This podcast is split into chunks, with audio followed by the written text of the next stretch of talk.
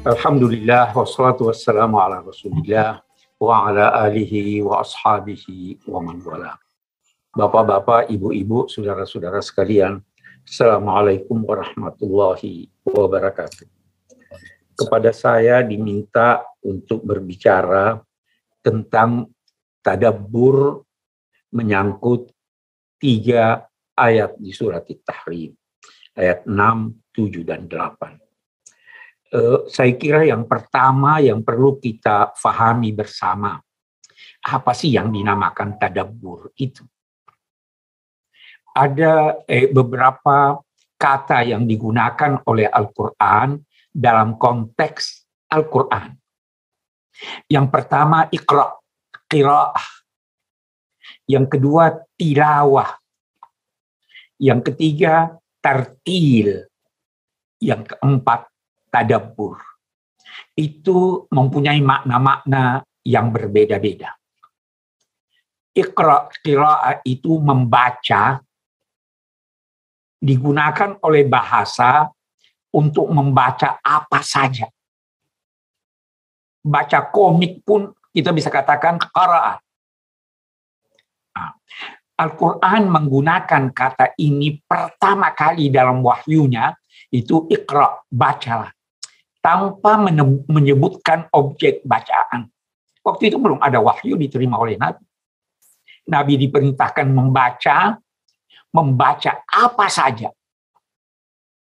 Asal di situ ada dikatakan bismi rabbik. Asal bacaan itu bertujuan demi karena Allah. Membaca ikra dalam bahasa Al-Quran bisa terjadi walau hanya satu huruf Nabi bersabda, "Mangkara harfan min kitabillah falahu ajr." Siapa yang membaca satu huruf dari Al-Quran, satu huruf dari Al-Quran, maka dia akan mendapatkan ganjaran. Nabi melanjutkan, saya tidak berkata alif lam mim itu satu huruf, tapi alif itu satu huruf, lam itu satu huruf, mim itu satu huruf. Nah itu qara. Jadi bisa sangat singkat. Yang kedua tilawah. Tilawah itu adalah eh, membaca dalam arti mengikutkan huruf demi huruf, kata demi kata. Kemudian apa yang dibaca itu diikuti oleh amal perbuatan. Sehingga tilawah itu tidak bisa kalau cuma satu huruf. Dia harus sekian banyak huruf yang dihimpun. Kalau saya berkata saya, itu terdiri dari tiga huruf. S, A, Y, A. Iqra, asalnya qaf, ra, hamzah. Tilawah adalah membaca dengan mengikutkan huruf demi huruf, kata demi kata, ayat demi ayat, tetapi apa yang dibaca itu adalah sesuatu yang suci, yang benar. Di sini bedanya dengan ikra. Utlu ma ilaika mir rabbik. Bacalah dan ikuti bacaanmu itu dengan pengamalan apa yang diwahyukan Allah kepadamu musabaqah tilawatil Quran. Jadi banyak ayat tuh yang dibaca dan itu harus sesuatu yang suci. Yang ketiga, nah ini kita yang kita akan bahas atau sebelum itu dulu tartil menyusun dengan indah sehingga pembacaannya tersusun dengan sangat indah dengan memperhatikan tempat-tempat keluarnya huruf, eh, kapan harus ditebalkan ucapan, kapan harus di, diperhalus, Bismillahi. Salah kalau Anda berkata Bismillahi. Itu ada ilmu tajwidnya, itu tartil. Memperindah suara. Sehingga ber, ber, mulai di tempat mulainya dan berhenti di tempat berhentinya Jangan berhenti misalnya eh, wailun lil musallin. Anda berhenti di situ salah itu. Itu tartil. Nah, ini tadabur yang kita mau lihat. Ini tadabur, ini ini yang kita akan bicarakan sekarang. Tadabur itu terambil dari kata dubur, belakang. Tadabur itu adalah membaca Al-Quran, memahaminya, menghayatinya, sehingga lahir sesuatu di belakang bacaan itu. Atau dengan kata lain, berdampak bacaan, pemahaman, dan penghayatan Anda sehingga terlihat dampaknya setelah membaca Al-Quran. Wah ini repot nih. Tidak mudah itu tadabur. Kita harus baca, kita harus paham. Banyak orang yang paham Al-Quran. Orientalis itu banyak yang mengerti Al-Quran. Tapi dia tidak hayati. Dia tidak amalkan. Yang dituntut dari kita ini tadabur. Berusaha memahami, berusaha menghayati dan kemudian diharapkan dari penghayatan itu lahir dampak berupa aktivitas sesuai dengan tuntunan apa yang kita pahami, apa yang kita baca itu. Itu tadabur. Nah, kita mau bertadabur menyangkut tiga ayat. Saya khawatir kita tidak bisa selesaikan tiga ayat ini. Saya ingin berkata begini, nah, Nabi itu bertadabur. Pernah suatu ketika Sayyidah Aisyah ditanya, apa yang paling mengagumkan dari Nabi? Beliau menjawab, semua yang dari Nabi mengagumkan. Tapi kalau harus saya sebut, pernah suatu ketika di suatu malam, dia beliau berkata pada saya, apakah engkau mengizinkan saya untuk malam ini eh, eh, salat, malam ini tafakur, malam ini saya ingin bersama Tuhan. Aisyah menjawab, sebenarnya saya senang kalau dapat bersama aku engkau bersama aku tapi aku juga senang kalau engkau menyenangi sesuatu silahkan. Maka Nabi pada malam itu dilihat oleh Sada Aisyah berwudhu dengan sempurna wudhu lalu tiba-tiba terlihat Nabi sepanjang malam menangis. Kenapa? Keesokan harinya ditanya kenapa? Dia bilang tadi malam turun ayat Al-Quran yang menjadikan saya berusaha memahami menghayati dan bertadaburnya inna fi khalqis samawati wal ard wa ikhtilafil laili wan nahari la ayatin di ulil albab. Ini tadabur kita mau tadabur tiga ayat ini sesingkat mungkin, sekemampu kita mungkin, mudah-mudahan kita dapat lakukan. Bertadabur Al-Quran dalam Al-Quran ada eh, eh, perintah tadabur, ada kata tadabur. Eh, misalnya, afala yatadabbarun Al-Quran am ala qulubin aqfaluha. Tidakkah mereka bertadabur tentang Al-Quran? Bahkan, atau ada yang berkata, ataukah hati mereka terkunci karena ada kunci-kunci penutup hatinya. Jika demikian, kalau ingin bertadabur, buka pintu hati Anda. Tanpa membukanya. Itu sebabnya kufur itu menutup. Kafir itu artinya menutup. Buka pintu hati Anda supaya cahaya masuk ke hati Anda. Sehingga hasil dari bacaan dan tadabur itu masuk ke dalam hati, kemudian terhayati, tercermin dalam tingkah laku.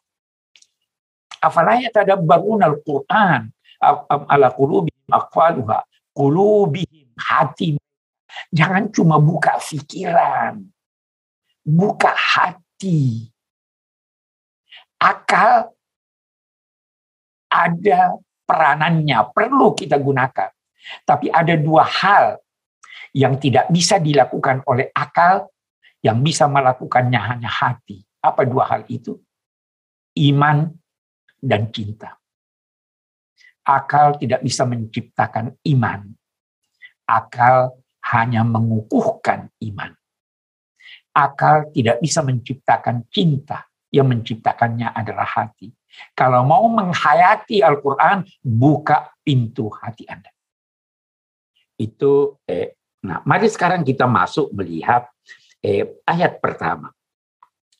Ya ayyuhalladzina amanu Biasa kita terjemahkan, wahai orang-orang yang beriman. Dalam Al-Quran ada eh, dua istilah atau bukan dua banyak istilah eh, dalam konteks uraian tentang iman. Kalau kita berbicara tentang siapa yang beriman, maka kita menemukan eh, istilah mukmin dan yukmin. Mukmin itu orang yang sudah mantap imannya. Yukmin itu yang boleh jadi baru tahap pertama dari imannya. Kalau saya beri contoh dalam bahasa Indonesia, menyanyi dan penyanyi. Saya bisa menyanyi, Pak. Semua bapak, ibu bisa menyanyi. Tapi saya bukan penyanyi. Innamal mu'minuna alladhina idza tuliyat alaihim ayatuhu zadatuhum imanan wa ala rabbihim yatawakkalun. Orang mukmin itu kalau dibacakan ayat-ayat Al-Qur'an bertambah imannya, bergetar hatinya. Itu kalau mukmin sudah sampai tingkat mukmin. Kalau baru beriman masih tahap awal. Nah, bagi mereka yang berada pada tahap awal keimanan ini, mereka itu yang pertama dituntut dari mereka oleh ayat kita ini, peliharalah diri kamu dan keluarga kamu dari siksa neraka. Nah, saya ingin bicara dulu tentang iman karena kita saya kira tidak sedikit yang saya ketahui persis dari mahasiswa-mahasiswa saya tidak sedikit yang keliru memahami apa itu iman. Iman itu pembenaran hati, bukan pembenaran akal pembenaran hati terhadap apa yang didengar oleh telinga. Itu iman. Pembenaran hati ini eh, eh, dia pada mulanya tidak mantap. Setiap iman pasti disertai oleh tanda tanya. Saya ambil contoh ekstrim. Nabi Ibrahim sebelum ditunjukkan kepadanya oleh Allah tentang menghidupkan yang mati, dia bermohon pada Allah. Ya Allah, tunjukkan kepadaku bagaimana engkau menghidupkan yang mati.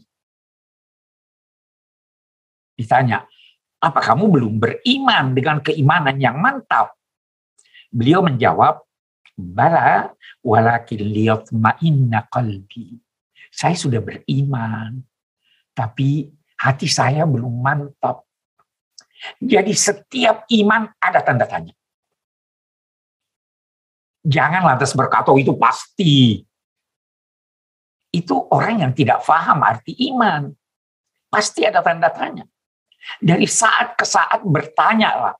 Dan jangan takut bertanya pada diri Anda. Apa ini benar? Sahabat-sahabat Nabi pernah berkata kepada Nabi, wahai Nabi, di dalam hati kami ada sesuatu yang kami takut ucapkan. Apa itu? Benar tidak Tuhan ada ya? Benar nggak ada kiamat? Benar nggak Quran itu benar? silahkan bertanya. Dengan bertanya dan berusaha mencari jawabannya, itu keraguan Anda adalah keraguan yang mengantar kepada keyakinan. Kalau Anda biarkan, itu setan datang. Nah, eh, kata Nabi, apa kamu sudah dapatkan itu? Dia iya wahai Nabi, tapi kami, kami, kami takut ngomong. Nabi menjawab apa? Zalikal iman. Itulah iman. Iman diibaratkan dengan keadaan seorang yang berada di laut, ada ombak dan gelombang. Dia berada di laut, dia lihat di sana ada pulau. Dia bertanya dalam hati, apa saya bisa sampai di pulau itu? Kalau dia sudah sampai di sana, sudah bukan iman namanya. Karena sudah tidak ada tanda tanya. Itu sudah ilmu namanya. Kita beriman kepada Allah. Karena kita tidak tahu bagaimana zat Allah. Kita disuruh percaya pada keesaan Allah. Tetapi kalau dapat, kita melakukan upaya-upaya sehingga mengetahui argumentasi-argumentasi yang meyakinkan tentang keesaan Allah, keesaannya, bukan zatnya. Maka itulah yang terbaik. Karena itu perintahnya, puncaknya fa'lam, bukan fal tu'min. Ketahuilah. Ah, itu sampai puncak pengetahuan, bukan pengetahuan tentang zat Allah, tetapi pengetahuan bahwa dia Maha Esa. Itu iman. Baik, kita lanjutkan. Ya ayyuhalladzina amanu ku anfusakum wa ahlikum nara. Ku dari kata yaqi. Dari kata ini lahir takwa. Takwa itu berlindung lindungilah diri kamu dan keluarga kamu dari siksa neraka. Nah, saya ingin berhenti lagi di sini untuk kita lihat bagaimana itu Al-Quran dalam konteks mengajak manusia kepada Tuhan. Ada empat cara Al-Quran mengajak manusia menuju kepada Tuhan. Cara yang pertama ada ayat-ayatnya yang berbicara tentang alam raya. Hebatnya alam raya ini. Pandanglah bintang-bintang, pandanglah gunung, pandanglah langit, pandanglah bumi. Ini semua tidak mungkin bisa wujud dengan demikian sedarsi kalau tidak ada penciptanya. Dengan mengetahui itu, seseorang mengetahui bahwa ada Tuhan pencipta. Dan dengan demikian, dia akan berusaha mengenalnya lebih dekat. Itu satu caranya. Cara yang kedua adalah menggugah manusia agar mengenal manusia, mengenal dirinya secara individu atau masyarakatnya. Kenali dirimu, wahai manusia. Jangan duga engkau adalah sosok yang kecil. Dalam dirimu terhimpun alam yang luas. Kalau kita pelajari diri kita, tidak mungkin ini tercipta begitu saja. Pasti ada yang mengaturnya. Pasti yang mengaturnya memberikan kita tuntunan. Ah, kita itu caranya yang kedua. Banyak sekali ayatnya menyangkut itu. Caranya yang ketiga adalah memberi janji ganjaran. Yang melakukan ini mendapat ketenangan dalam hidupnya. Yang melakukan ini mendapat sorga. Itu janji. Yang ketiga, yang keempat, ayat kita ini. Ini yang paling gampang nih. Ngancam kiri kanan. Eh, neraka. Padahal sebenarnya yang paling sulit, yang membutuhkan pemikiran yang ini, kalau ini ancaman ini cara keempat. Lindungi dirimu dan keluargamu dari neraka, siksa neraka. Baik, kita lihat sekarang anfusakum dirimu. Eh, ada orang-orang yang keliru memahami kata anfusakum dirimu dalam Al-Quran itu adalah jiwamu. Tidak. Karena itu orang-orang yang memahami begini itu ada ayat wajahidu fi sabilillahi bi amwalikum wa anfusikum. Berjihadlah di jalan Allah dengan harta kamu dan jiwa kamu. Itu tidak tepat. Diri kamu di dalam diri ada nyawa. Di dalam diri ada kekuatan. Di dalam diri ada fisik tidak bisa terlepas dari diri waktu. Setiap orang ada waktu. Tidak bisa terlepas dari diri tempat. Bisa jadi Tidak terlepas dari diri orang hartanya, tapi bisa dia tidak punya harta. Ketika Allah berfirman, berjihadlah di jalan Allah dengan diri kamu, berjihadlah dengan nyawamu, ini akhir. Tapi sebelumnya dengan waktumu, dengan tenagamu, dengan tempatmu, baru dengan jiwamu. Nah, ku amfusakum, peliharalah diri kamu, pelihara nyawa kamu, pelihara eh, eh, apa namanya pelihara eh, jasmani kamu. Jangan dekat-dekat tanpa masker. Ya kan? Itu takwa itu karena memelihara diri. Eh, eh, eh, berjihadlah dengan waktumu korbankan sedikit waktu anda oh ini sudah jam tutup kantor ada orang datang korbankan sedikit itu untuk apa untuk membantu orang waktu itu. Itu artinya u amfusakum. Peliharalah diri kamu. Pelihara semuanya. Jangan sampai ada bagian dari dirimu yang dapat mengantar kamu tersiksa oleh api neraka. Baru wa ahlikum dan keluarga kamu. Setiap orang bertanggung jawab terhadap keluarganya. Bahkan setiap orang dituntut untuk saling ingat mengingatkan. Tapi ayat ini menggarisbawahi ahlikum. Bapak punya tanggung jawab terhadap istri dan anak-anaknya. Ibu punya tanggung jawab terhadap anak-anaknya. Kullukum ra'in wa kullukum mas'ulun ar-ra'iyati. Setiap kamu adalah pemimpin dan setiap yang dipimpin bertanggung jawab atas kepemimpinannya, atas sosok-sosok yang berada di semua kita bertanggung jawab. Eh hati-hati, jangan biarkan keluargamu terjerumus di dalam neraka. Jangan tinggalkan anakmu tidak terdidik. Nah itu baru dia katakan wa nasu wal hijarah